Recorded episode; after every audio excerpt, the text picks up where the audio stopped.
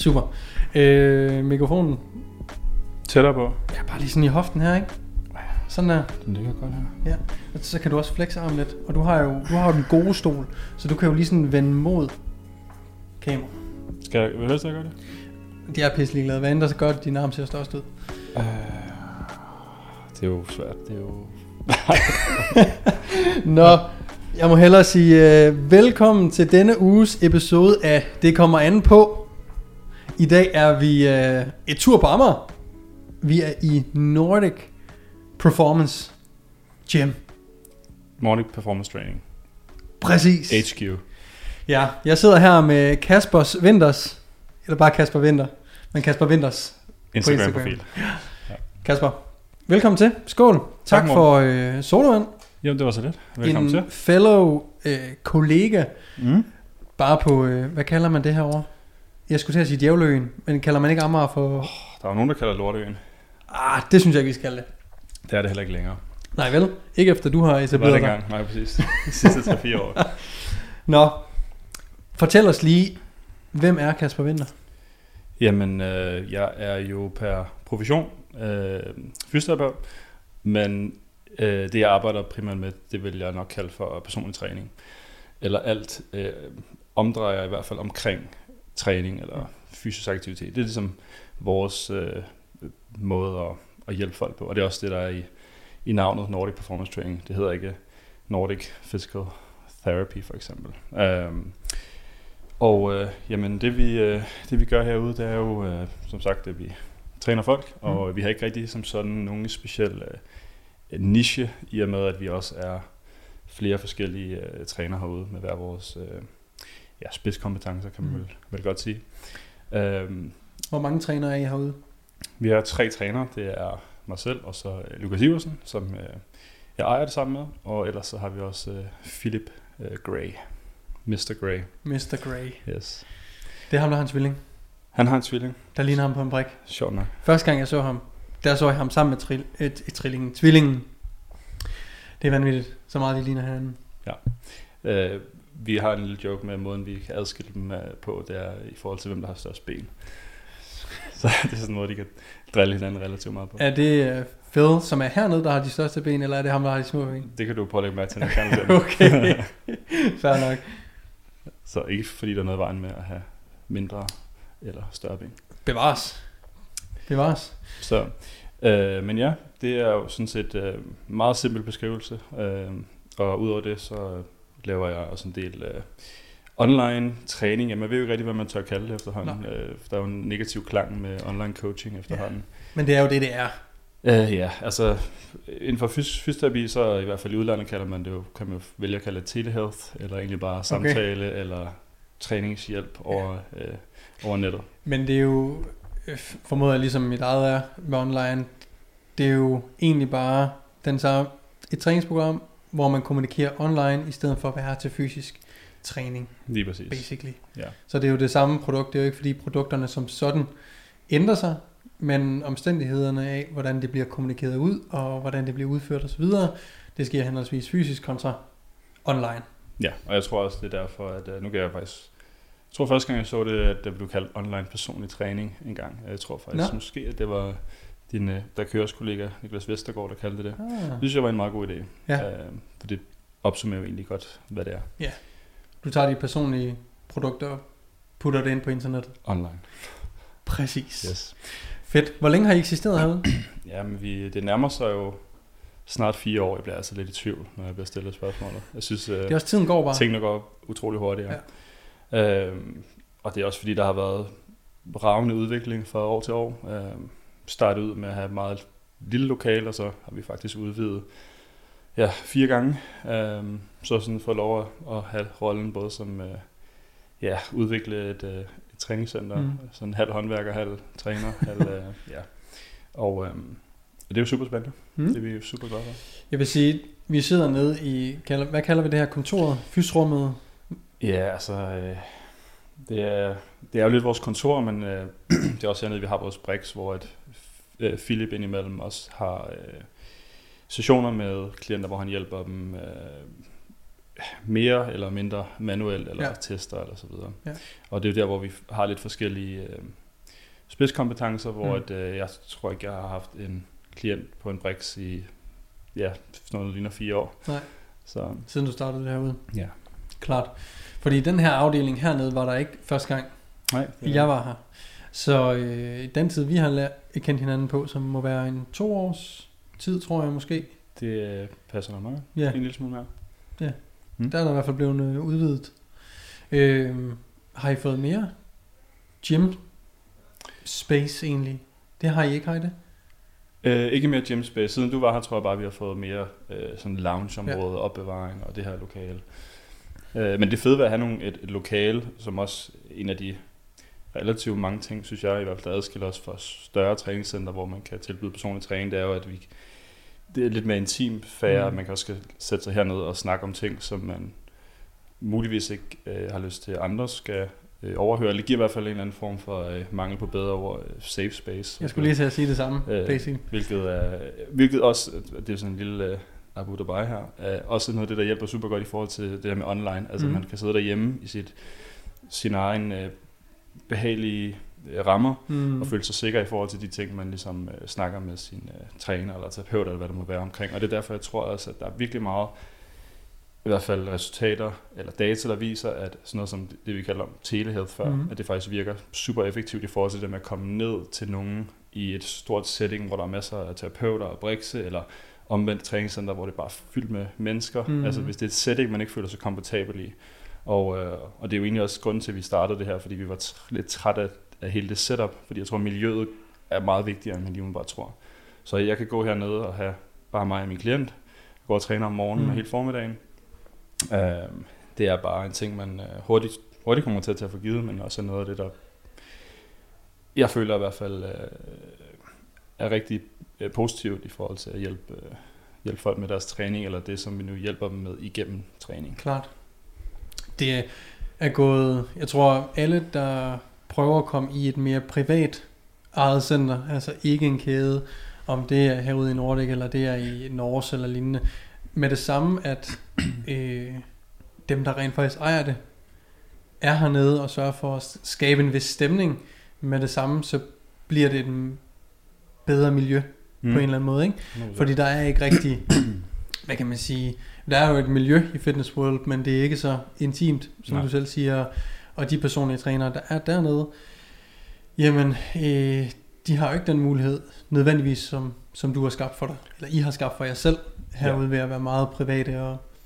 Og der er jo, altså, der er, jo- øh, alle har jo måske brug for et forskelligt øh, miljø, og miljøet kan jo også ændre sig lidt i løbet af dagen, og, Mm-hmm. og det er jo også noget af det, det fede, man har mulighed for med i forhold til at ændre på musikken, og, øh, og, og, og hele sådan øh, setupet, eller efter hvad man føler, Præcis. eller for at vide, personen har brug for. Og Ja. det kan selvfølgelig være lidt svært i nogle andre rammer, men nogen kan jo måske elske at gå i deres øh, fitness world, øh, fordi det er jo også lige så forskelligt fra den ene til den anden. Øh, som, Bestemt. Nogle kan nok godt lide det der med, at der er noget liv omkring dem. ja.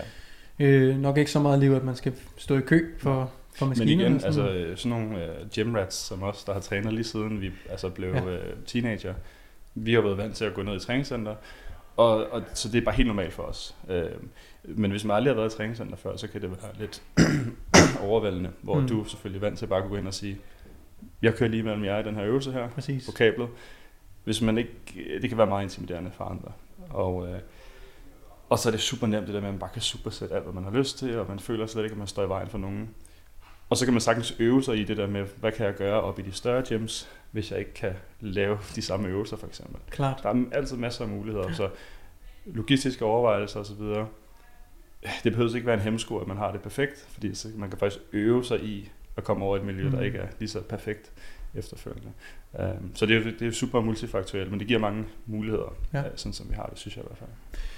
For folk, der øh, lige skal ind og se, hvordan det ser ud og så videre, og jeg er sikker på, at folk bliver forelsket i det, fordi det er et fuldstændig overdådigt sted. Lækker lokale, og øh, de bedste maskiner og ja, gym equipment, der kan fås. Hvor kan man finde det henne? Og kan man få lov til at træne herude? Øh, for at svare på det første spørgsmål, øh, så, øh, jamen, så kan vi altså gå ind på vores hjemmeside nordicperformancetraining.com. Øh, man kan gå ind på vores Instagram-profil, hvor der er masser af forskellige billeder og lidt videoer i ny og næ. Og øh, vores Google-side kan man også søge frem til. Der er også nogen, der har lagt nogle billeder op, og vi har lagt nogle billeder op. Min egen profil, Kasper Winters, øh, er, nok, øh, er nok primært der, jeg vil gå ind og kigge. Ellers er Lukas og Philips øh, mm. profil også. Øh, det er et personligt træningscenter, så det er ikke sådan, at man bare kan komme herud og træne, eller blive meldt ind, eller noget som helst. Øh, vi har det her, øh, kan man godt kalde det sådan lidt øh, semi-private koncept, hvor vi har et meget lavt medlemskabsloft, øh, hvor vi fik nogle medlemmer ind relativt tidligt, som alle sammen har været i forløb. Mm. Så alle kender ligesom, alle kender hinanden. Der er jo ikke nogen hernede, jeg kender navnet Nej. på. Øh, og de ved ligesom, helt for de små detaljer, som hvor skal man lægge ting, når man er færdig med dem, som ikke kun er, er lækkert for os som træner og alle andre i miljøet, Nej. men egentlig bare alt efter man som person, så vil man også gerne sørge for, at man gør tingene rigtigt. Ja. Og hvis man ikke har fået at vide, hvad det rigtigt er, så kan man også føle sig ukomfortabel i et miljø. Klart. Øh, alt efter, hvem man er som øh, person. Øh, så så øh, det er rent personlig træning, vi kører hernede. Øh, og har sådan et utroligt lavt medlemskabsloft. Øh, ja. Det var noget af det første, jeg kom til på, da jeg kom ind i dag, fordi de begyndte at have rigtig mange greb over på, øh, over på deres væg, og de, jeg ved, de sidder præcis, hvor de skal, og det elsker jeg. Og det kan det, kollegaerne ude i Norge godt øh, skrive under på, at øh, jeg er efter dem, og mine klienter også, for jeg brokker dem over dem dagligt. Men det er sådan, der er ved at være så mange nu, at I skal have mere... Der skal være mere plads. Der skal være mere plads. Men det, men det er rigtig sjovt, fordi der er mange, der har... Øh, øh, ikke fordi vi har opfundet modellen med at hænge alle øh, grebene på væggen, mm. men øh, det er jo nogle af de ting, man så har kigget for eksempel i USA, og så mm. er der nogen, der havde det hængende i sådan nogle flotte private gyms ja. i USA, og så indførte vi samme koncept. Og så sådan gyms rundt omkring i Danmark også begyndt at gøre det, men så, når man så ser sådan en træner, der filmer, mm. så hænger der sådan et, et greb, og resten ligger bare hulter til bulter. Ja. Øh. Det er lidt den der, øh, jeg husker det fra min fars værksted, hvor man tegner rundt om hammeren, som ved, hvor hammeren... Præcis. Det er det samme, altså, helt samme måde. Fuldstændig samme. Og vi kender alle de kommersielle center, hvor det er en kasse. Ja, coronakassen. Hvor, ja, hvor man bare smider alle grebene ned, og de ligger fuldstændig huller til buller, og du har ingen idé om, hvordan finder jeg det greb, jeg skal bruge. Ja. Fordi den er enten i den her kasse, hvis det er sådan et par handles, og de gerne skal være ens, så de ja. ligger forskellige tykkelse greb. Der er tre kasser rundt i gym. Ja. Og, jeg ved, og der er 16 kabel settings, hvor der stadig hænger greb, hulter til hulter. Ja.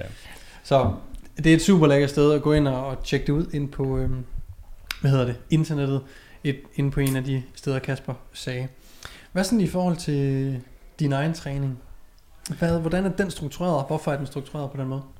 Altså, øh, sådan historisk set, så er min træning nok, ja, den har jo været meget varierende, alt efter ens sådan livsomstændigheder. Og øh, jeg kan huske, da vi ligesom startede det her, øh, inden det her, der arbejdede jeg som fysioterapeut på en øh, privatklinik og havde sådan meget faste rammer, så jeg fik ligesom trænet stort set hver dag og var i rigtig god form dengang. Og, øh, og, ja, god form i hvert fald, stor stærk. Ja. Vi var måske 100, nærmest, jeg tror det var 126 kilo, da vi startede. Ja. Og dem, der kun lytter med og ikke ser med ind på YouTube, I kan jo lige smutte ind på YouTube senere og lige se, at Kaspers arm er altså lidt mindre end min bevares, men altså, han er stadig stor. Det er vinklen. Det er vinklen. Ja. på vinklen ser de større, meget større end min, men det er bare vinklen. Ja, Nå, det er undskyld. 126 kilo. Og så kom vi ligesom i gang med hele sådan et uh, setup som det her, og så sådan folk, så må du træne hele tiden, du har et eget træningscenter. Og, og du har det har bare sagt, at jeg blev så tynd. Ja. Uh, og, og ellers har der været en masse ting i, uh, også i forhold til sådan et privatliv, med sygdom og alle mulige, uh, alle mulige ting, som så har gjort, at man for eksempel har, ja, man har haft perioder, hvor ja, desværre, hvor træning har fyldt sådan alt nærmest, det var mm. alt for meget, som du kender selv, dengang du stillede op, kunne jeg forestille mig. Ja. Øhm, og så har der været perioder, hvor at træning har været ligegyldigt, altså fuldstændig ligegyldigt. Mm. Altså, der har stadig været, det har kun været en del af ens professionelle øh, liv. Klart. Og, og, og nogle gange, så kan det også, det kan vi måske snakke om her senere også, med, når jeg snakker med andre personlige trænere, mm. hvordan det kan fylde så meget, at deres egen træning går i stå. Men, men det var det, der skete for mig. Og øh, ja, der var ingen træningsmotivation whatsoever, men jeg har aldrig haft så travlt i forhold til at træne mm. folk. Um, og så har der været perioder, hvor det har været mere balanceret, så det er ligesom hele det her continuum, der vi lægget sådan et varierende i ja. midten. Øh, og på en måde så er jeg super glad for at have haft de, de forskellige faser og oplevelser, ja. i stedet for at have været en person, der enten har været den ene ekstrem eller det andet hele livet. Uh, enten har været hardcore grind og aldrig haft en day off, mm-hmm. Det har jeg haft perioder, hvor jeg har været sådan, og så har jeg haft perioder, hvor jeg har været øh, ligeglad. Og det Ja. gør det bare utrolig meget nemmere at sætte sig ind i andre, Andres ligesom vi snakker om det her Ja. med, at, øh, at det er svært for os at forestille sig, at det er ubehageligt at gå ned i træningscenter. Ja. Øhm, så, så på den måde, så er det, så er det kun en kæmpe hjælp, at man kan, det er lidt lidt at perspektivere og forstå andres, mm. øh, og, og netop stille de rigtige spørgsmål, i hvert fald også i forhold Klart. til, hvordan andre har det med træ, alt omhandlende træning og alt det rundt omkring, og tanker omkring træning, og Ja. Så videre. ja. Ja. hvordan man tror, træning skal være. Og ja, ja, klart. Hvordan ser træning ud lige nu? Træning lige nu, det er, øh, ja, jeg kører jo nok, øh, jeg kan godt lide at træne, ja, måske sådan lidt, øh, jeg eksperimenterer lidt med forskellige ting, øh, fordi jeg har ikke noget sådan kæmpe stort mål med min træning, men jeg elsker, jeg træner nok det, som folk vil kalde en form for bodybuilding-træning. Ja. Øh, og det er også det, jeg synes er sjovest, Mm. og jeg har fundet ud af, når jeg har prøvet at køre lidt mere over i nogle andre øh, typer af træninger. Men, øh, og, og det gør jeg også, fordi jeg rigtig godt kan lide at kunne sætte mig lidt ind i de trænings, øh, de måder, man programmerer træning til sine klienter på. Mm. Jeg synes, det er relativt vigtigt, at man har prøvet det selv. Øh, for bedre at kunne forstå. Øh, Ligesom du sagde med, at det er nemt for dig nu at forstå, når du har været meget grinding med din træning, og meget ligeglad med træning, det der med at være i begge ting. mm. Man kan bedre sætte sig ind i klientens sted, hvis man har prøvet tingene Ja. Og så selv. kan jeg bare også bare sådan rent etisk, og er det svært ved at sætte folk til at lave noget, jeg ikke selv har, hvis i hvert fald ikke har lavet før. Mm. Øh, Jeg synes, jeg har rigtig svært ved, når, øh, hvis man sætter folk til at lave, lad os sige, lave 100 burpees i den her træning. Også, men det, hvis man udskriver den form for træning til folk, men aldrig nogensinde har gjort det selv, Klart. det har jeg svært ved at forstå. Ja. Øh, dermed ikke sagt, altså man kan godt være, at man ikke gør det, men mm. man, det er ikke noget, man selv har gjort og set værdi i at gøre overhovedet på noget tidspunkt i sit liv, så kan det være sådan. Man gør det bare randomly. Ja, det, det bliver andet lidt, sted. random, fordi du bare skal blive træt. Mm. Øhm, eller det, det får man en følelse af, at man har opnået et eller andet i sin Ja. træning. Og det kan sagtens være plads til, det er slet ikke det. Men der skal bare være en, ligesom en idé med det. Men nu snakker jeg lidt udenom min egen træning. Ja. Øhm, men øh, jeg, lige nu så kører jeg øh, bare et helt sådan øh, standard, øh, nok, jeg kalder det bodybuilding split. Altså, du skal jo kroppen- træne arm i dag, sagde du til mig. Så det er sat Yes. med BB. Det er BB. Ja, og, men det sjove er, det kan vi jo også snakke om, at samme type træningssplit kan jeg godt finde på at bruge til en professionel crossfitter for eksempel. Mm. Så det er sådan, det kommer an på. Ja, tak. øh, hvad Ja, vi tak. vil bruge det til, og hvad er øh, konteksten og forudsætningerne rundt omkring det her Mm. træningsspil og så videre. Øh, og træningsspil kan hurtigt blive sådan noget, som bliver set på, som det er slet ikke vigtigt for øh, mm. Nybegyndere og dit og dat. Mm. Øh, det behøver selv ikke være noget, der fylder, men det er jo vigtigt som træneren at så kunne vide, hvilken split er bedst til den her person med de forudsætninger, de har, og de dage, de kan træne og sådan noget. Og hvilken øvelser har de mulighed for at lave. Øh, men jeg kører sådan, hvor kroppen er delt op i fire dele, Mm. hvilket så også betyder, at man for eksempel har en armdag. Ja. Øh, Hvad er de fire dele? den første dag på mit program, der træner jeg min øh, forlov, og så Mm. træner jeg øh, min skulder. Ja. Øh, og mange vil tænke sådan, åh, det, hvordan kan man det, og det mm. lyder mærkeligt. Ja. Øh, men hvis nu man har kroppen delt op i de her splits, så er det fordi, man gerne vil være meget specifik med det, man træner. Altså selvfølgelig overlapper ting, og det må de også godt gøre. Men hvis man for eksempel har en hack squat og en leg extension eller en pendul squat, Mhm. mm. ja, så, øh, så, så, øh, så har du mulighed for at være meget mere specifik med at ramme Ja. din forlov. Så derfor så har du to, tre gode valgmuligheder. Øh, Og det er her for at undgå, at for mange ting overlapper.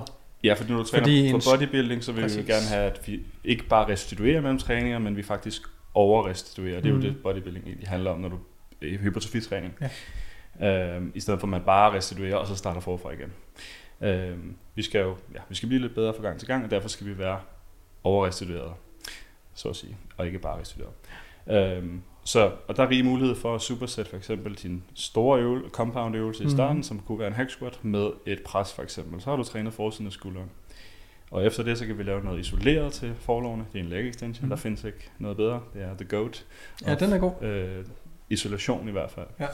Ja. Øhm, og så kan man jo så slutte træningen med at lave noget sideskulder og noget bagskulder, så er du nået det hele igennem. Og Mhm. det kan sagtens gøres på et sted mellem 45 og ja, en, en halvanden time, hvis man er mere avanceret og skal have flere tunge arbejdssæt eller hvad der ikke? Øh, efter det, så har jeg en, øhm, øh, så kører jeg, hvad hedder det, bryst og ryg.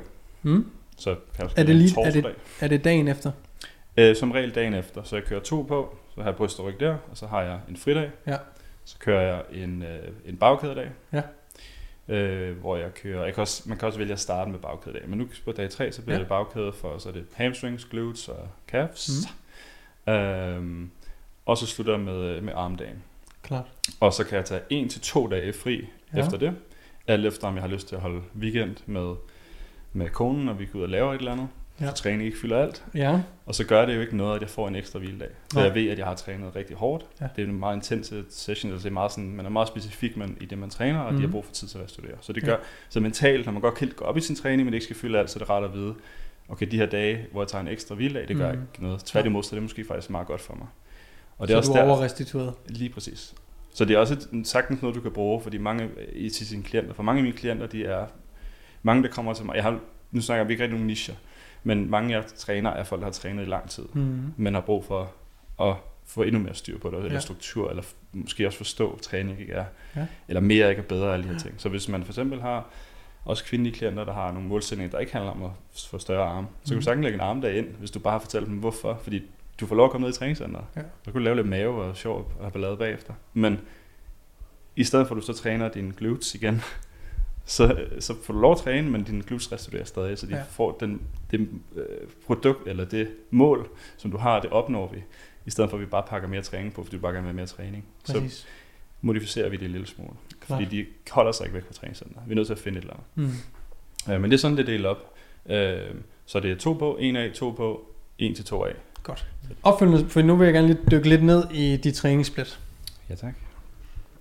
For det her, det er jo et træningssplit, der varer 6 til 7 dage. Har vi forklaret godt nok, hvad split er? Det, jamen det antager jeg lidt folk ved. Okay. Men lad os bare for en god ordens skyld fortælle, hvad er træningssplit? Øh, ideen er jo bare der, hvordan vi opdeler øh, øh, kroppens øh, i løbet af en uge. Så øh, der er nogen, der kalder full body, så det kunne man næsten bare kalde et, et split. Ja. Så det er delt op i en. Træner det helst det hele på en gang. Selvfølgelig er der forskellige øvelser på de forskellige dage, formentlig i hvert fald. Ja. Det er ikke nødvendigt. Så findes der et halvt split, hvor vi deler kroppen op i to. Det kunne fx være forside og bagside, som jeg bruger rigtig ofte. Mm. Øh, specielt hos nybegynder, eller hvis det er mere sådan vægttabs- eller rekompositionsmålsætninger. Ja. Så er der et træsplit, hvor kroppen er delt op i tre. Super effektiv måde at få lidt mere volumen, end hvis du kører det, jeg kører lige nu, altså delt op i fire. Mm. Øh, og så findes der også andre måder at gøre det på, men det her, det er, der er for eksempel også specialiseringssplit, hvor ja. Du så har nogle ting, der så bliver trænet to gange om ugen, andre, der, der bliver trænet en gang om ugen. Mm. Øh, og det kunne for eksempel være nogen, der vil større forlov og skulder, typisk øh, ja, fyre, Mm. og, øh, og nu generaliserer jeg jo helt vildt, fordi det har jo ændret sig meget i løbet af sidste Ja, ja, tid. klart. Men der er jo rigtig mange, øh, også øh, kvindelige klienter, der gerne vil træne øh, bagkæder. Øh, og der kunne man jo sagtens have et program, hvor der var lidt ekstra frekvens for Mm. mm. glutes. Og så hvis man gerne vil blive god til at træne det. Hvis du bliver rigtig god til at træne, så behøver du ikke træne det helt lige så ofte. Så kunne et 60 lige pludselig blive smart for Præcis. eksempel. Så det er måden, vi ligesom kan dele øh, kroppen op på, og Ja. det kan være det kan have stor relevans, alt efter hvor avanceret man er, øh, at dele Man kan også, op. ja. Jeg tror, det folk ofte bliver forvirret i forhold til med træningssplit, Mm. er at, som du også nævnte lidt tidligere, det her med, at træningssplit er super relevant, fordi du skal vælge det rette split for den enkelte som persontræner, for den enkelte klient, efter alt efter hvor lang tid de har til at træne, hvor ofte de kan træne, Ja. og hvad deres målsætning Mm. er. Så der vil altid være et, et rigtigt split, eller nogen split, der vil tilpa- eller passe bedre til det mål og den tid, den enkelte har. Men det gør ikke, at der er nogen splits, der nødvendigvis er bedre helt generelt set Nej, det vil aldrig være. end andre.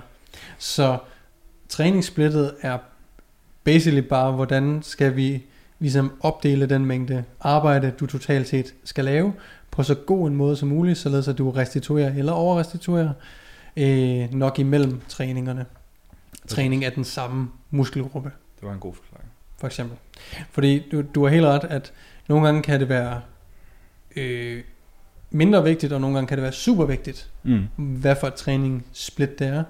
Ofte, øh, uden at man skal overtænke det, så har vi alle de klassiske, nogle af dem du har nævnt, der er også øh, lower. Øh, Op og lower. er rigtig op og lower, altså, de klassiske er ligesom klichéer. pull legs. Push pull legs. Øh, er ligesom klassikere, ligesom klichéer er klichéer af en grund, Mm. og det er, at, at de virker ofte Ja. relativt godt. Men det er, og det er også, men Mm. det der er så sjovt, det er også, hvis nu man nævner for eksempel af de split, jeg har nævnt her, ja. og man så ikke nævner op og lower, for Mm. vi bruger op og lower rigtig tit, Ja. øhm, så, så gør man ting avanceret. Ja. Men det er jo bare fordi, at, at traditionelt set, Mm. så bruger man måske op og lower eller push pull legs oftere. Mm. Men jeg har jo ikke tænkt mig at bruge det split, hvis det ikke er det, der er det bedste til den person, bare fordi Nej. De ikke ved, at det eksisterer, eller der er nogen, der har valgt, at det skal være for avanceret. Du Klart, ja. Så den skal det hurtigt blive. Og sådan er det med så mange ting. Mm. Øh, hvis man for eksempel kommer op med en, eller bliver opfundet en øvelse, som faktisk giver super god mening øh, biomekanisk eller et Mm. eller andet, med det udstyr, man har til rådighed, men sådan, ej, det, det, er jo, det er der ikke nogen grund til at gøre, for vi har jo stadig bare vores helt normale bænkpres, eller whatever, Ja, sådan det, klart. hvor det er sådan, det er ikke nødvendigvis lettere at lave en bænkpres. Og samtidig så fortæller man, at det er the goat of all exercises, fordi at den er så teknisk svær. Det er sådan, Mm. men, så, What? men er den mindre, Ja. det kommer jo så an på så mange ting. Ikke? Øh, så, så det er jo, men det er, det er meget nemt at bare kunne forholde sig til, jeg kører altid op og lower for eksempel til mine klienter, og det er der jo nogen, der har sådan et bygget system op, hvor det er det primære, sådan, mm. Mm-hmm. hvis vi for eksempel ser det sådan noget som keto strength, nu er det ikke det eneste, han bruger for eksempel, men, men jeg ved, han, op, meget, det han opdeler det meget op og lower, Ja, det gør han. og, det giver jo som regel den der frekvens på to for hver Ja. muskelgruppe, medmindre det er op og lower, op og lower, øh, Klart. så en ekstra. Øhm, så ja. Og det var noget, det jeg ville spørge dig lidt ind til, Mm. i forhold til dit split, fordi det lyder netop som om, at det er en gang om ugen Mm. per muskel. Jeg var Gruppe. 6. dag, bliver det jo så nogle gange, Ja. ja. tror, man kun tager den ene. Og det var det, jeg sagde. Hvis det var, nu, det lyder til at være et 6 til 7. Ja, dages nogle gange split, fem, hvis man er lidt... Uh, I dag skulle vi jo måske træne arme sammen, Ja. ja. så kunne det godt være, at jeg lige fik lyst til at smide en ekstra dag ind. Klart. Ja. Øhm, så hvad er dine tanker? Fordi jeg opfordrer oftest til at træne hver muskel to gange om ugen. Mm. Har du mere volumen på hver træning? Så øh, jeg har jeg har som regel bare omkring 10 arbejdssæt for for eksempel øh, quads. Mm. Og, øh, og det har jeg også for arme. Det vil jeg, nu så jeg for eksempel, at du havde en story, hvor du også sagde, at det var svært for dig at få nok arme ind.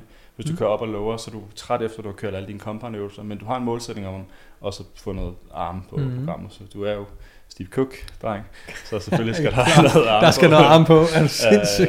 Og der skal meget arm og på Greg herover. Plitt er der også blevet nævnt et par gange. Åh, Han har jo en bicepsdag og en tricepsdag. En brachio- brachioradialis dag. Mate, da, da Greg var på sit højeste, may he rest in peace, by the way. Armageddon workout. Jeg havde jo dem skrevet ned Legendarisk. øh, på papir, og så mig og min fætter gik ned i træningscenteret og lavede de her chest explosion. Og det virkede. Øj, det var så godt, mate. Det var, Ja. ja. du nød træning, selvom at vi kunne sagtens sidde og grine af det den dag i dag. Ja, ja, det var, Men det var øh, lige det, du havde brug for. På det, det var lige det, jeg havde brug for, og som man kan altid sidde og være bagklog og sige, okay, hvis jeg vidste lige så meget, som jeg gør nu, Ja. så ville man have fået meget bedre gains. Det sådan, man fik egentlig gode gains, fordi man virkelig, virkelig, virkelig nød, Du var i det jo. ja, det man lavede. og det var derfor, at det var godt, Mm. basically det, man gik ned og lavede, kan man sige. Ja, det var fantastisk. Ja, Men, Men- ja, en øh, fre- ja, frekvens på to er jo meget normalt, at man anbefaler også. Det er jo nok, kommer jo nok af, at man kigger på sådan litteraturen i forhold til hypertrofitræning generelt, Mhm. på de studier, der er lavet. Men igen, så er volumen jo noget, der er så individuelt. Altså hvis du forestiller dig, at tager en, øh, en helt nybegynder, så vil du jo ikke pakke alt for meget volumen på dem, men du vil begynde at, en progression i volumen kunne være en rigtig smart måde at bygge deres træning op, fordi Mm. hvis nu, lad os, nu bliver det i konteksten af muskelopbyggende træning. Øh, så hver gentagelse, man laver, når man nybegynder, er ikke så stimulerende for muskelopbygning, fordi man ikke er så god til at bruge sine muskler nu. Men man kan Og stadig det betyder, at man ikke er så god til at tage dem til failure, for eksempel. det, ja, eller du kan ikke løfte en vægt, der er tung nok til, at du får mange effektive reps i det sæt, du har. Det kan være grundet Google teknik, reps. Det, ja, for det eksempel. Eller det at kunne stabilisere en tung vægt. Klart. Eller alt, der er masser af Det, faktorer. et godt eksempel er sådan at, at lave en, en goblet eller en squat, bare generelt fristående squat, kontra en leg extension. Ja. En leg extension er relativt nem i forhold til squatten, at blive presset i og mærke lige præcis i forlårene, hvor der skal en del træning til, før vi får lidt, vi får aldrig den samme, men lidt kom derhen, hvor du snakker om det her med at presse sig selv og være god til at bruge sine muskler i en, i en given øvelse. Ja, og, og det, nu fungerer det jo sådan, at det er ligesom hjernen, der bestemmer, hvilken muskelfiber vi skal bruge. Mm. Så der er jo nogle de, de højtærskel øh, motorenheder, der skal aktiveres for at få fat i hurtige muskelfiber, som er dem, der responderer ved at vokse større og stærkere. Ja. Og det sker jo kun, hvis vi træner øh, udmat, med relativt høj nok udmattelse eller tung nok vægt Ja. og øh, tilstrækkeligt med volumen. Øh, men så vil man altid starte med lidt lavere volumen, og så bare bygge på i volumen et stykke tid. Og så når man begynder at blive god til at træne, så falder volumen altså lidt igen Eller du kan ikke bare blive ved. Mm. Og når du siger, at bare lige for at få Volumen. lytterne med, volumen, og den går op, så er det mængde af for eksempel sæt. Det Eller øvelser, eller-. Altså, du kan både øge i antal gentagelser eller i sæt. Du bare husk, hver gang du lægger et nyt sæt til noget, så ender det blive mange flere gentagelser. Mm. I stedet for, at du tilføjer to ekstra gentagelser ja. øh, til de to sæt, du starter med, Ja. for eksempel. Og det er det, du mener, så over tid, over en periode for nybegynder, så tilføjer man gentagelser eller Ja. sæt, eller afhængig af, hvad der lige passer til klienten. Og på et tidspunkt, så vil den totale volumen så egentlig falde, fordi... Man bliver bedre og bedre, og man også Ja. måske har fået lidt mere muskelvæv, du kan Ja. bruge. Så hver træning bliver mere potent, så at Mm. sige, i forhold til det, den stimuli, vi går Godt efter. ord. Ja. På, det var en potent træning, mate. Jeg bruger tit det ord, og det, det folk forstår det. uh, eller nogle gange, det gør de i hvert fald. Så, så du bygger på, Ja. altså så du har den der bell shape, Mm. uh, hvor at, så er du nødt til at gå ned igen. Så jeg ligger på omkring 10 sæt, fordi hver, uh, uden at snakke mig selv for meget, så får jeg jo relativt mere ud af hver sæt, fordi Mm. jeg har trænet lang tid og kan Ja. løfte relativt tungt. Og de øvelser, jeg bruger, er meget specifikke til de muskler, jeg ønsker at træne. Er alle 10 sæt, du laver, kørt til RIA 0 failure? Eller jo, nej, det er det ikke. Øh, det er det, er det øh, nej, det vil, vil det aldrig være. Nej. Øh, så grunden til, at man, øh, man kan jo vælge at bruge, mange de bruger procenter i deres programmering ud fra et eller andet, hvilket Mm. kan være øh, super smart også, men øh, og man kan kombinere både det og RPE eller RIR. Øh, jeg kan godt lide at bruge RPE, hvis det er tungt, og RIR, hvis det er mere bodybuilding orienteret, men begge dele kan fungere super godt. Mm. RPE er måske lidt mere avanceret end RIR, fordi vi kan bøje Ja. det i 9,5. og Ja, præcis. Øh, men vi, vil altså, vi kan også bare vælge at sige, øh, antal sets til udmattelse mm. skal være et eller for eksempel to ud af de seks arbejdssæt, du har i din første øvelse. Så ved man godt, okay, så skal hver sæt blive gradvist hårdere. Ja. Og så er det, når man er kommet lidt ind i det her med træning, så er det relativt nemt at forstå, hvorfor du ikke skal gå til 0 på første sæt. For, og, og, det, og det er jo det, hvis du virkelig går til 0 på første sæt, så resten af din træning den er ikke særlig behagelig. Præcis. Og så får du bare ikke, så har du udmattet dig selv, både lokalt og centralt i forhold til, at hjernen skal få gang i de her muskelfiber. Mm. Så meget, at resten af træningen ikke bliver sat effektiv. Så du har fået et godt sæt, men det er ikke nok volumen til at komme over den tærskelværdi, som du har brug for. Med mindre at du enten er nybegynder, eller det er et øh, træning, et system, en form for træning, du ikke er vant til. En stimuli, du ikke er vant til, så kunne det faktisk være nok. Mm. Øh, men det giver altid mere mening sådan at, at bygge på, så det bliver hårdere, hårdere, hårdere, hårdere. Og det behøver heller ikke være 0 riger, 1 riger, ikke engang 2 riger. Mm. Øh, det, det er en nem måde at måle, at man bliver bedre. For hvis du kører til 0 riger på 100 kg hack squat uge 1, så skal du prøve at køre til øh, 0 riger på 100 kg. Og så hvis du kan tage et halv rep eller en rep mere, så er det meget nemmere at sige, at jeg blev bedre. Mm. I stedet for, at du skal sidde og regne så meget på det. Klart. Så det igen, det er jo kommer an på. Og det er super individuelt, hvad der fungerer bedst. Og det er ikke alle, der kan lide at træne til muskulær udmattelse. Nogle de elsker det, nogle hader det. Vi kan også træne længere end, end altså Klart. udmattelse. Hvor er udmattelse? Ikke? Altså sådan, hvor i bevægelsen Mm. skal det stoppe? Ja. Skal vi lave et øh, mekanisk dropset? Eller, altså, så det er det fede, at man kan lægge lag på. Og, og når man så nu kører jeg måske lidt af en tangent igen. Men når man Det gør du begynder, altid. Ja, Det er godt. normalt Det er godt. øh, men men øh, når man begynder at lægge de her lag på, så igen, så er det sådan en ting, hvor man snakker om, at nu bliver det altså avanceret. Og det kan det også sagtens øh, gøre, Mm. men det kommer jo også lidt an på, at det er en klient, du har haft i to år, som er meget nysgerrig og elsker træning. Altså vi træner rigtig mange.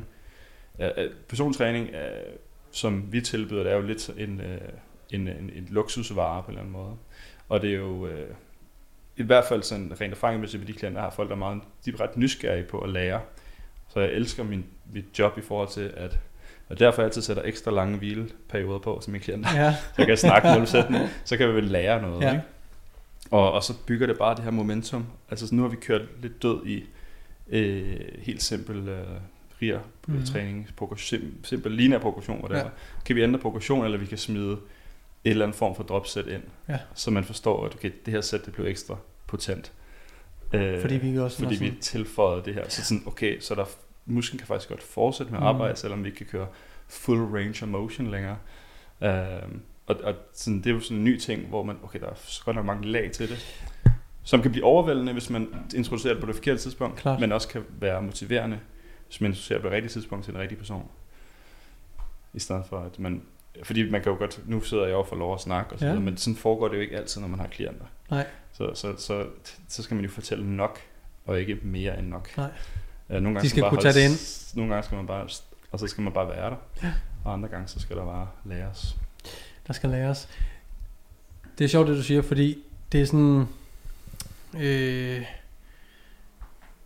det du egentlig laver, når du kører ud af den her tangent her, så bliver det super nørdet, og det bliver super kompliceret. Men jeg tror, og det er derfor, at nogle gange folk også kan blive lidt forvirret, fordi at jeg tror, at hvis man havde en session, så vil det i praksis være relativt simpelt. Ja. Men det kan blive relativt komplekst, når man en ting bliver nødt til at, øh, hvad kan man sige, kun snakke om det, ikke vise det. Mm. Og mange af de ting, som du sidder og nævner nu, er også ting, der strækker sig ud over en, en længere periode.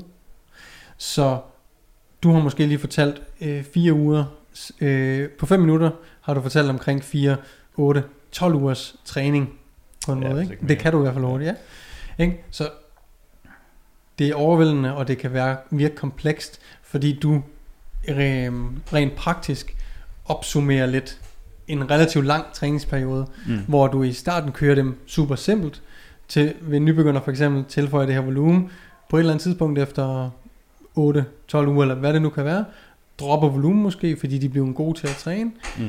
intensiteten øh, øges, altså de kan løfte nogle tungere øh, vægte, okay, de bliver også super hurtigt gode efter det, vi begynder at introducere RIR eller RP, og du ved, lige pludselig har du taget på 5 minutter et helt års træning, Ja.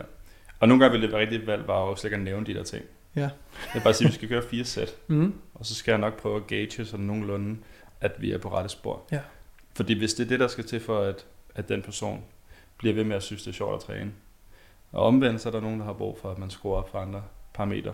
Og det er jo det, der er så fedt. Og så er der nogle gange en ting, som også, øh, vi, jeg tror, vi er en bias, vi alle sammen har, når vi går meget op i træning, og man også i det job, jeg har, har mange personlige trænere øh, som klienter, at man også føler, at man skal forklare tingene øh, ordentligt og detaljeret.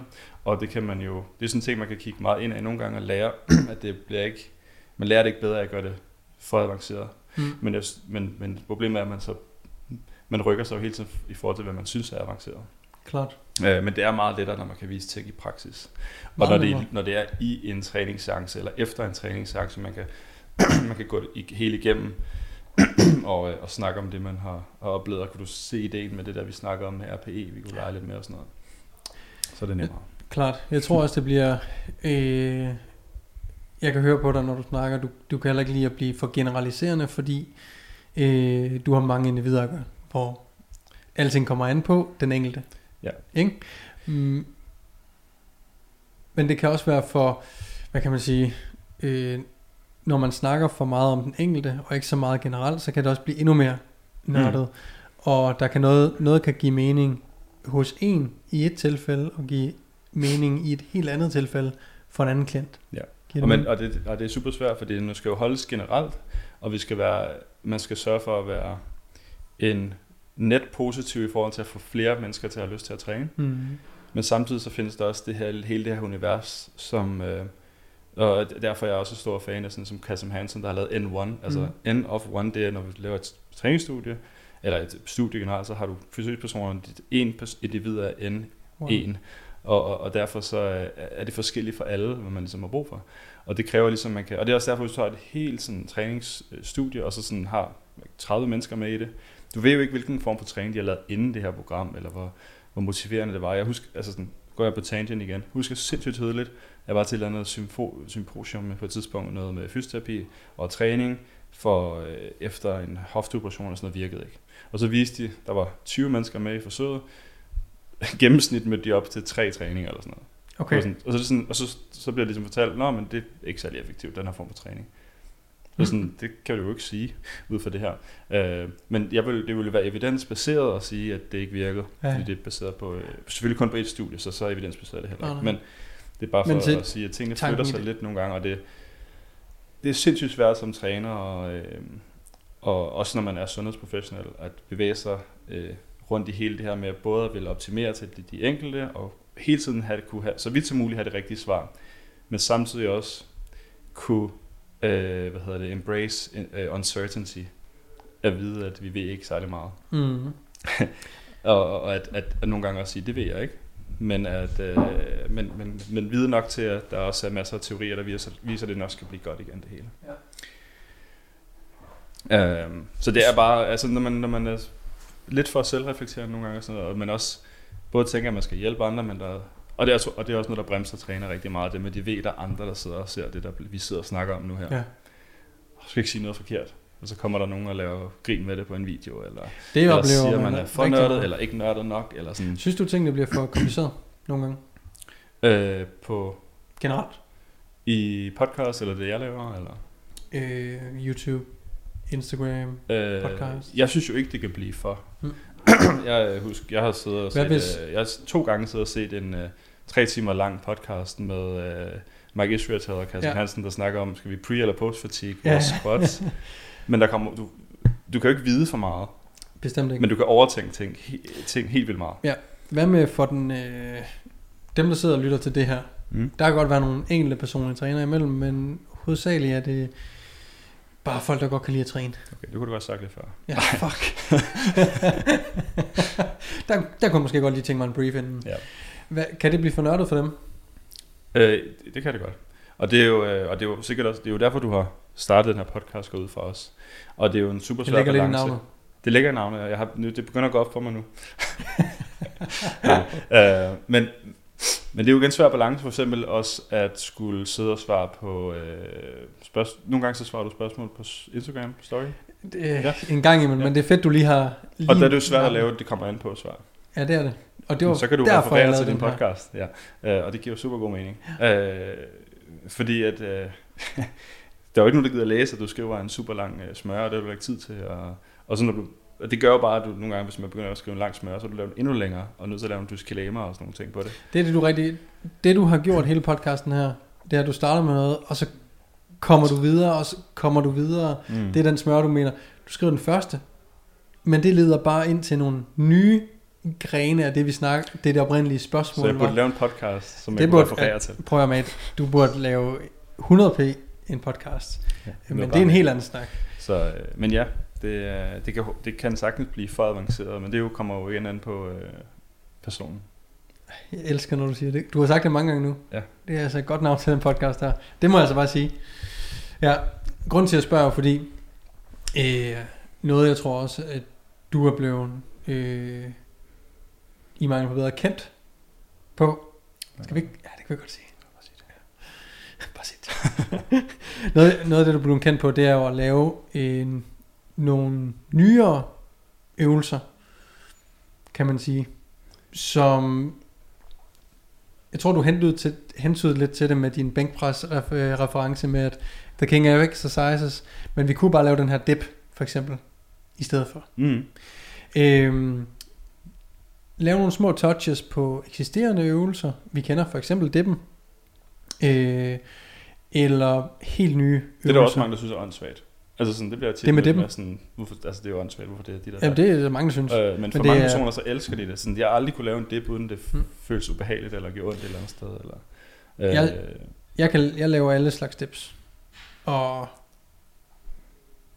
den der, den kan jeg noget. Ja, altså det kan den.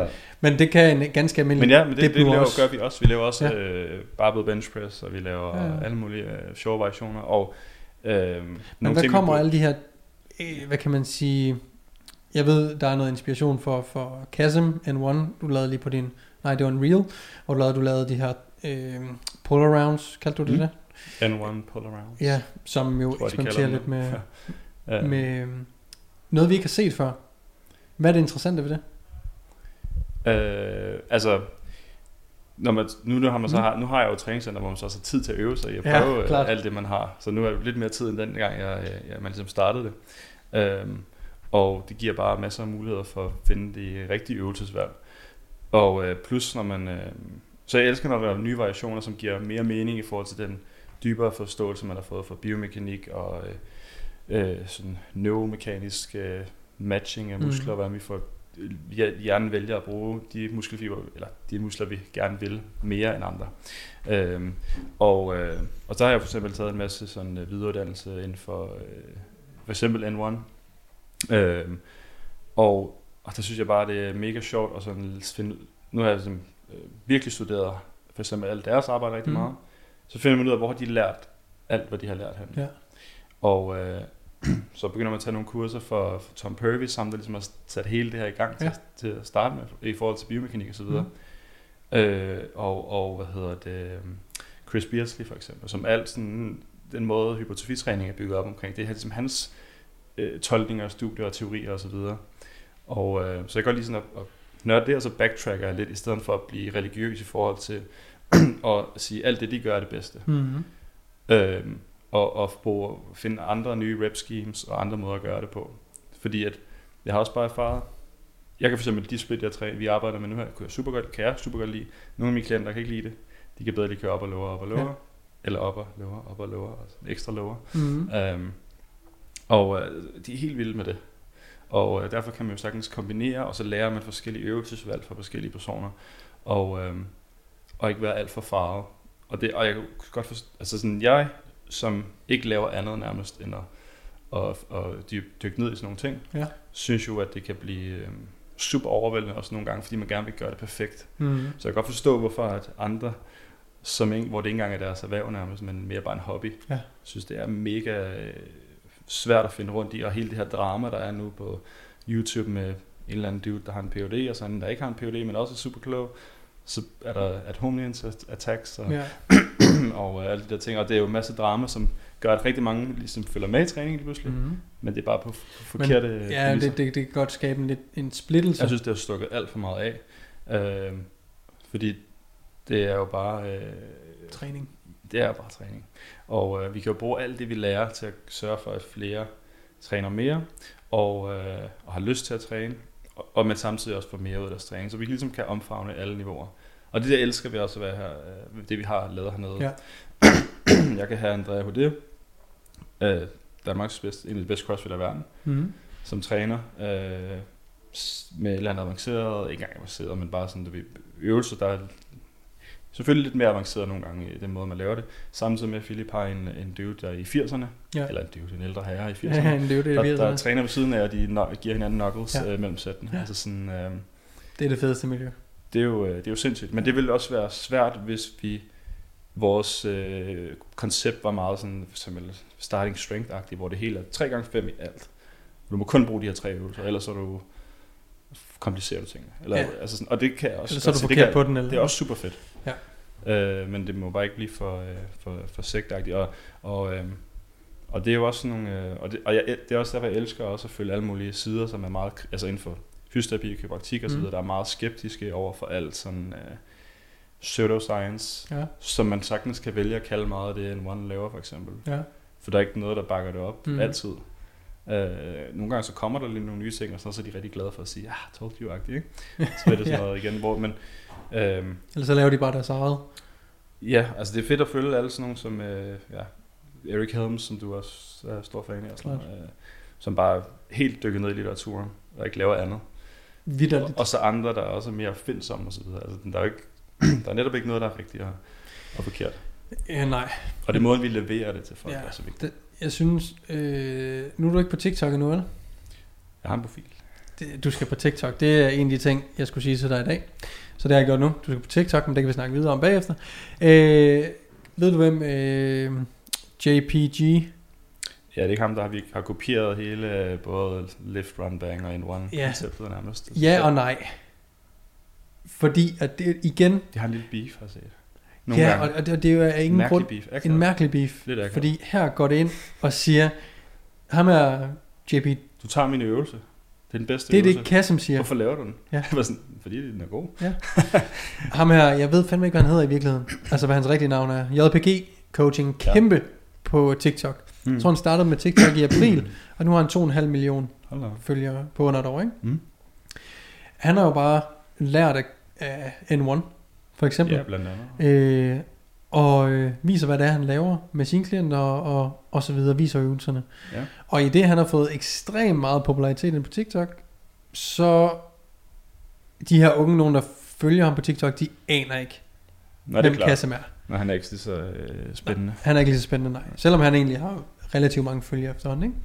Men så kommer der lige pludselig sådan en strid med, øh, Hvem omfatter de? hvem opfandt de øvelser, og du kopierer bare øh, ham der, eller nu er det jo også fordi, at ham her JPG er ham, der har vist flest folk det, så er det jo i gåsøjne hans, Det er ligesom Øvelser. Eugene, han har også haft en, en Præcis. fase, hvor han virkelig uh, præcis. opfandt nye navne til øvelser, Mm. som egentlig allerede eksisterede. Og sådan ting. Lige præcis. Mm. Hvor Kassem, jeg tror der beefen kom lidt, men i virkeligheden er der jo ikke nogen beef. Det er jo bare, Det giver dem opmærksomhed, kan man sige. det er rigtigt. Så, Men hvor han bliver sur over, hey, du tager mine øvelser. mm, Og sådan lidt, slap nu af. ja. Altså, Jeg er helt enig, det bliver alt for toxisk. ham der JPG, han har bare fået afsindig mange til at træne, og til at Ja. lave nogle øvelser, som måske er øh, stammer fra N1, Mm. og det er super nice. Og på et eller andet tidspunkt, så skal det jo nok komme tilbage til ham. Så just chill. Ja, ja Bro, det, man kan jo... Øh, ja, jeg tror... Det er, jo, det er jo svært at sætte sig ind i, hvorfor folk reagerer, som de gør, men det er nok også et produkt af, hvordan ting har foregået før i tiden, hvis man føler, at det altid har været sådan. Øhm, så, Snakker så vi Pen Pekolski-episoden her. Er det der, vi er tilbage? der er masser af sådan noget på YouTube. Nu bliver vi, men, øh, men nu bliver er vi jo, også... Øh, der er jo en masse...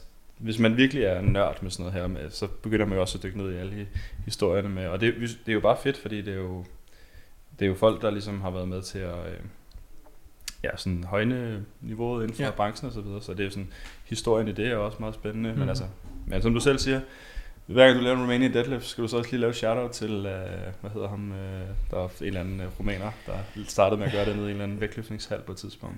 Øh, det, det, er jo, det gider folk heller ikke læse. Øh, og øh, man kan jo sagtens, øh, altså sådan, man kan sagtens give credit i ny og næ og alle de her ting, men, men det er heller ikke altid, man lige ved det. nej. Øh, og så en anden ting, der er begyndt at virkelig sådan, ting som jeg også bare sådan de sidste, ja, mange år, eller to år eller sådan noget, og virkelig har tænkt over, sådan man ikke skal gøre, det er at rette på folk også, som ikke har bedt om uh, Ja. at blive rettet på. uh, for det er jo så tit, man kan sidde på Instagram og så tænke, ah, men hvor, hvorfor, altså, at nu kablet er jo helt forkert, placeret, Mm. eller eller andet. Man kan sige, What, en, en ting, whatever, altså. en af de ting, som jeg tror, jeg selv var, men også mange nye trænere, og du var også lidt inde på det, det her med, øh, et at være bange for at sige noget på sociale medier, fordi man er bange for at sige det forkerte. Øh, noget af det, jeg tænkte over, kan jeg huske, i starten var, jeg tør ikke, jeg vil ikke vise en, der er dårlig til at dødløfte for eksempel. For hvad nu hvis folk de tænker, at jeg kan lære folk at dødløfte? Ja, og det Hvor er det sådan, mega åndssvagt. fuldstændig, For du kan ikke dødløfte forkert. I- i princippet. Men lad os bare andre folks antagelse af, hvad der er en korrekt dødløft. Mm. Men et, vi ved ikke, hvor i processen træneren og klienten er.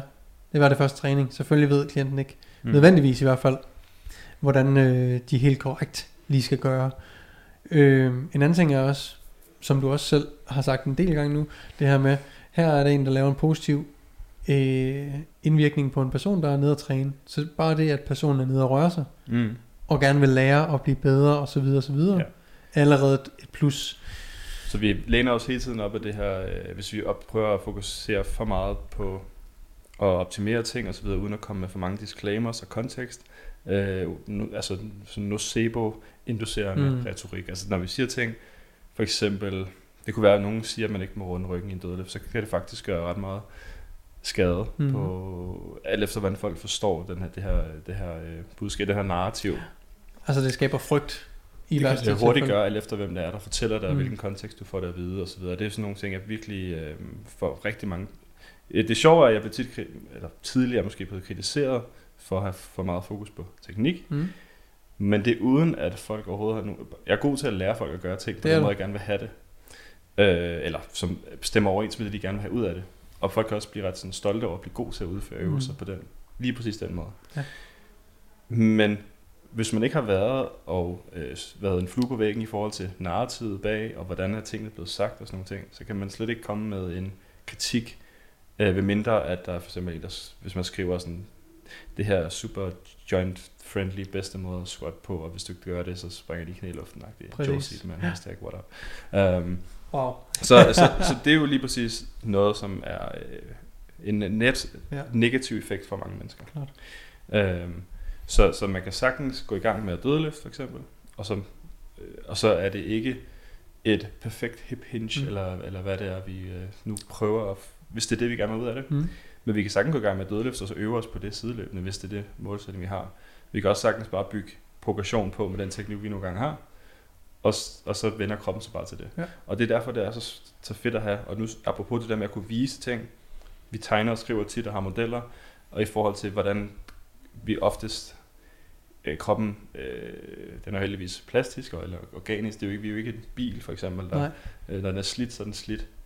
Øh, vi kan, den kan tilvende sig det, vi udsætter den for. man sige. Så længe vi starter det rigtige sted, Mm. og bygger gradvist på, og så vil vi der op- og nedtur. Og det er sådan nogle ting, man kan tegne og fortælle og vise. Øhm, og vise, hvordan kroppen responderer, når den sådan, General Adaptation Syndrome er en måde, og, øhm, og hvad hedder det, at lave en plan. Nu, nu, går, nu dødløfter vi i dag, Mm. og en, der har altid haft ondt i ryggen, og har fået at vide, at det må ikke dødløfte, det er Ja. pissefarligt, og Mm. har hørt det, whatever. Øhm, så sige, det kan gå den her vej, eller det kan gå den her vej. Ja. Hvis det går den her vej, det gør ikke noget, så ved vi bare, at vi skal prøve at gøre noget anderledes næste gang. Præcis. Og hvis det går den her vej, super nice. Så kan ja. Ja. vi gøre lidt enten det samme igen næste gang, eller gå den her vej. Præcis. Og så tegner vi et chart, og det er meget lettere at forholde sig til. Så kan sige, okay, Og alle, alle outcomes er positive, ja, basically. Præcis. Eller i hvert fald, vi har i hvert fald en løsning på, hvis det ikke gik den der vej, der var super, super nice. Mm. Jamen, så har vi bare mere viden, og så har vi endnu en gren, der har to løsningsforslag, kan man sige, til det. Ikke? Og det, det er virkelig bare, hvordan man øh, udlægger det Ja. til at starte med. Der er super vigtigt. Så det er jo kommunikation frem for Ja. alt. Og det er også derfor, alt sådan noget periodisering, programmering, nørderi, det er nok ikke det vigtigste. Så øh, det vigtigste er, som, og det tror jeg også, jeg har nævnt rigtig mange gange, hvis man gerne vil være øh, god til at, øh, eller gerne vil være en træner, der er jo Mhm. rigtig, er jo blevet meget populært at vil være træner. Ja. Øh, arbejde med sådan communication skills. Kom ud og træne rigtig mange, og så bare keep it really simple. Og blive god til at, at skabe øh, det, vi inden for fysioterapi kalder øh, terapeutisk alliance. Ja. Du kan, det, det er meget nemmere at hjælpe folk, når man er kommet lidt ind på hinanden og forstår hinanden, ja. og forstår, hvor man en især kommer fra. Relation er, Ja. ja. Det er jo nok Præcis. ordet, vi øh, leder efter der. Bestemt. Og, øh, så det behøves ikke... Øh, og det er der, hvor man hurtigt JPG coaching, Ja. hurtigt kan springe alle de der trin over. Præcis. Uh, det er jo lige meget, om du kan finde ud af at ramme iliac, lat, fibers helt perfekt i lengthen Ja. position. Men det, er, det, men det er sjove ting at, at, lægge ovenpå. Ja, og nørde og vide mere, og det er altid sjovt at blive klogere, ikke? Ja. Øhm, så ved du Kasper, jeg vil sige uh, tusind, tusind tak, for at du gad at uh, snakke i Øst og vest. 57 minutter ud af de 58, der er gået. Ja. Og tak fordi jeg må komme Det herud. Nu tror jeg, vi skal ind og træne noget arm. Jeg skal Ja, lige have en kage at- eller et eller andet. Jeg begynder... Jeg kan mærke, hvordan jeg jeg bliver tyndere og tyndere. Jeg føler, at jeg var sådan lidt oppustet. Altså sådan på en god måde. Musklerne var fyldte. Nu er de helt flade. Philip Gray er jo, er jo herude, jo. Og når Philip Gray han går op og handler frokost, så kommer der altid en stor kage med tilbage. Ej, hvor er det godt. Det er, det er der garanti for. Fedt. Mr. Gray. Kasper, hvor kan vi finde øh, dig hen på de sociale medier? Og øh, også stedet her. Så øh, på sociale medier, der kan I jo finde min profil. Det hedder Kasper Winters. Og øh, derfra kan I finde det hele. Fedt. Der er links Alle- i bio. Jamen, det er jo det, der er med.